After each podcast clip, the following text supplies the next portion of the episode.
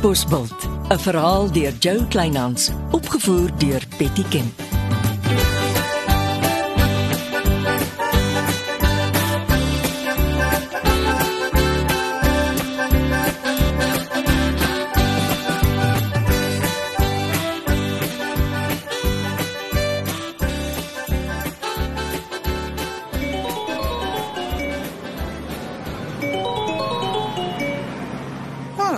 Kan dink hoekom jy bel.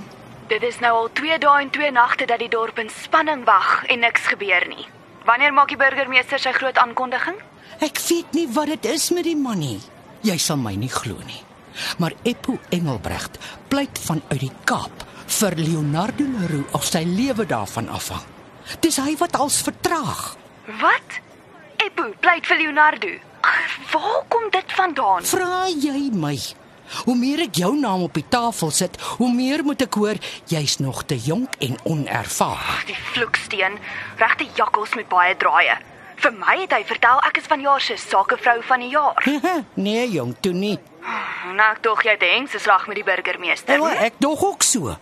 Maar as of die raadslede die arme burgemeester heeltemal dronk praat en hy nie meer herwaarts of derwaarts weet nie. Ooh, uh, het nog 'n kas van Leonardo se katbosbultwyne. As die burgemeester Leonardo se wyne sien, dan roep hy sommer die verkeerde naam uit. Nee nee nee nee nee. Kom ons hou die wyn hier uit.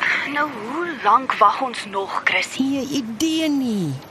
Solank jy weet, ek het my bes probeer. Meer as wat ek gedoen het, kan ek nie. Jy kan altyd vir die burgemeester van jou beroemde bruin geroosterde skaapnek vat. Dit het Eppo se kop gedraai. Monique, ek het nie tyd om voor die stoof te staan nie. Buitendien, dis chaoties op halfmens met die gebreek en bouery. Geen vrou kan nou daar bak en brou nie. Chrissy, sosiale media gons oor jou en Ernst Elof se nuwe vennootskap. Alles gebeur op sy tyd. Wonderlike vernoot. Pas op vir vennote, ek kan boeke skryf vir hulle.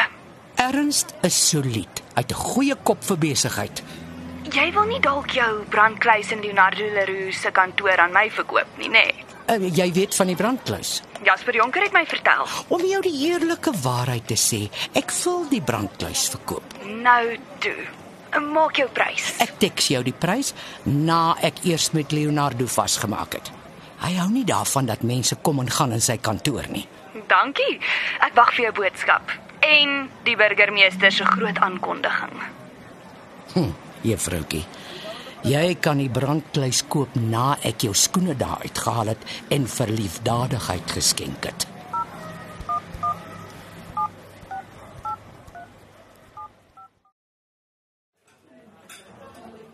Chrissy, jy weet my kelners hol rond om alles vir jou lekker te maak, maar ons Jy doen dit nie verniet nie. Ek weet, ek weet. hoekom die skielike gewyde stilte? Moet alles rondom die dorpsfees al ewig sloer. Die burgemeester se kop is dronk gepraat. Oral is daar voorspraak vir Monique Marits. Monique, jy is nie ernstig nie. En sy was by my ook gewees, is selfs bereid om die strydbuil te begrawe as ek voorspraak vir haar maak by die burgemeester. Moenie vir my sê jy val daarvoor nie. Natuurlik nie. Vir my is daar net een feeskoördineerder en dis jy.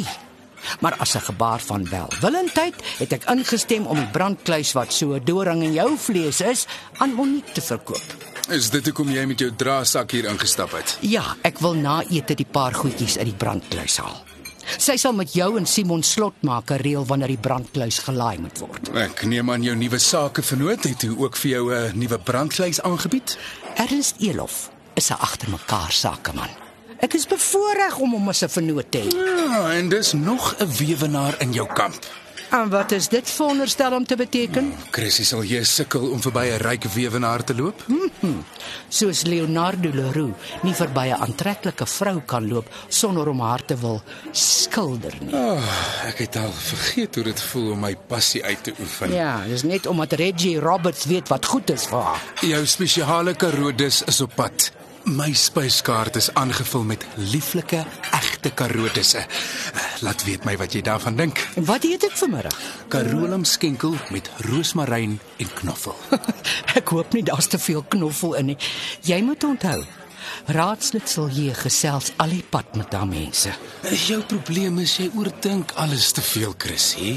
Skakel af en geniet die kos. Hm. En uh swaai tog jou towerstaf oor ons geagte burgemeester.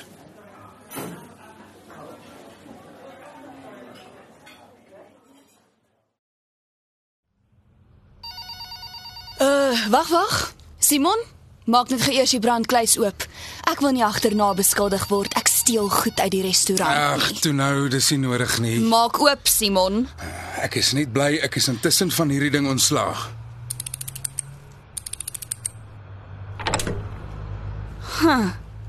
Kan jy nou meer? Drie geraamde fotos.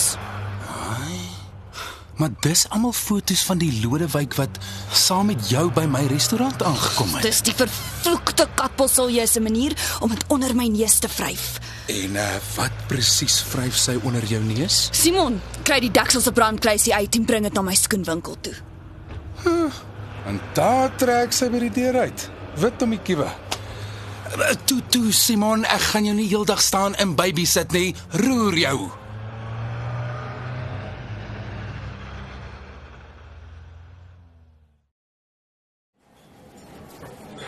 Julle moet wikkel, Joseph, die toeriste wag. Is daar nie, Chrissy? Het jy die burgemeester verkeerd opgevryf? Nee. Hoekom?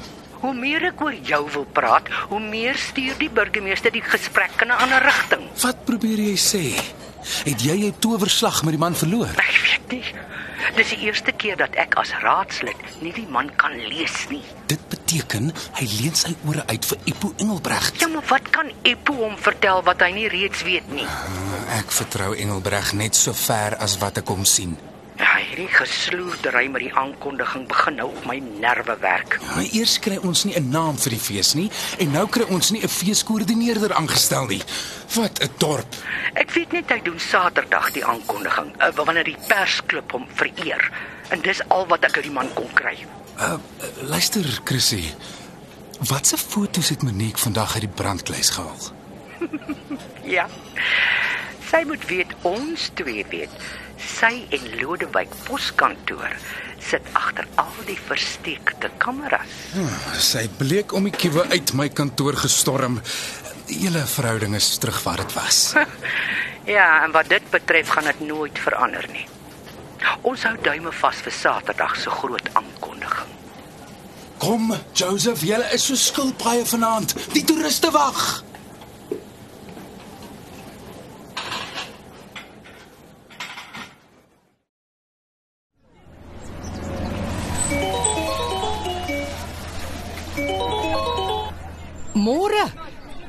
Ja, ek is klaar by die gemeenskapsaal om die burgemeester se aankondiging eerstehands te hoor.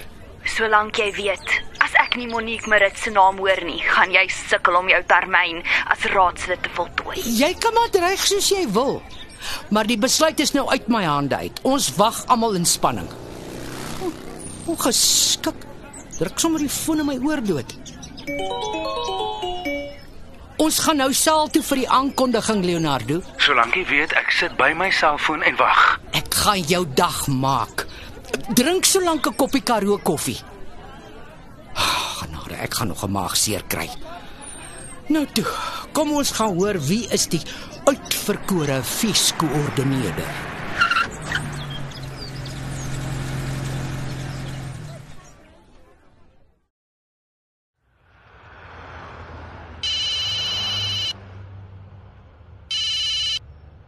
Ek is al deur 80 koppies koffie, Chrissy. Hey, ek is bevrees ek het nie goeie nuus nie. O, hierdie man vir Monique Marits gekies. Chrissy, Nee. Jy kan dit nie glo nie, maar die feeskoördineerder van Katbosbult is niemand anders nie as Juffrou Shirley Sinfield.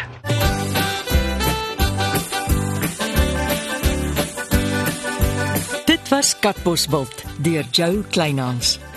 Die rolverdeling is Chrissy Ria Smit, Leonardo, Stefan Vermaak. Shirley Betty Kemp, Sergeant Jakes, Antoine Notling, Gert, Andrei Stols, Monique, Isabel Seidnout. Reggie, Rika Nieuwoud. Jasper, Gaz McFadden, Marius Vermaak het die reeks tegnies versorg. Katbosveld is vervaardig deur Betty Kemp saam met Marula Media.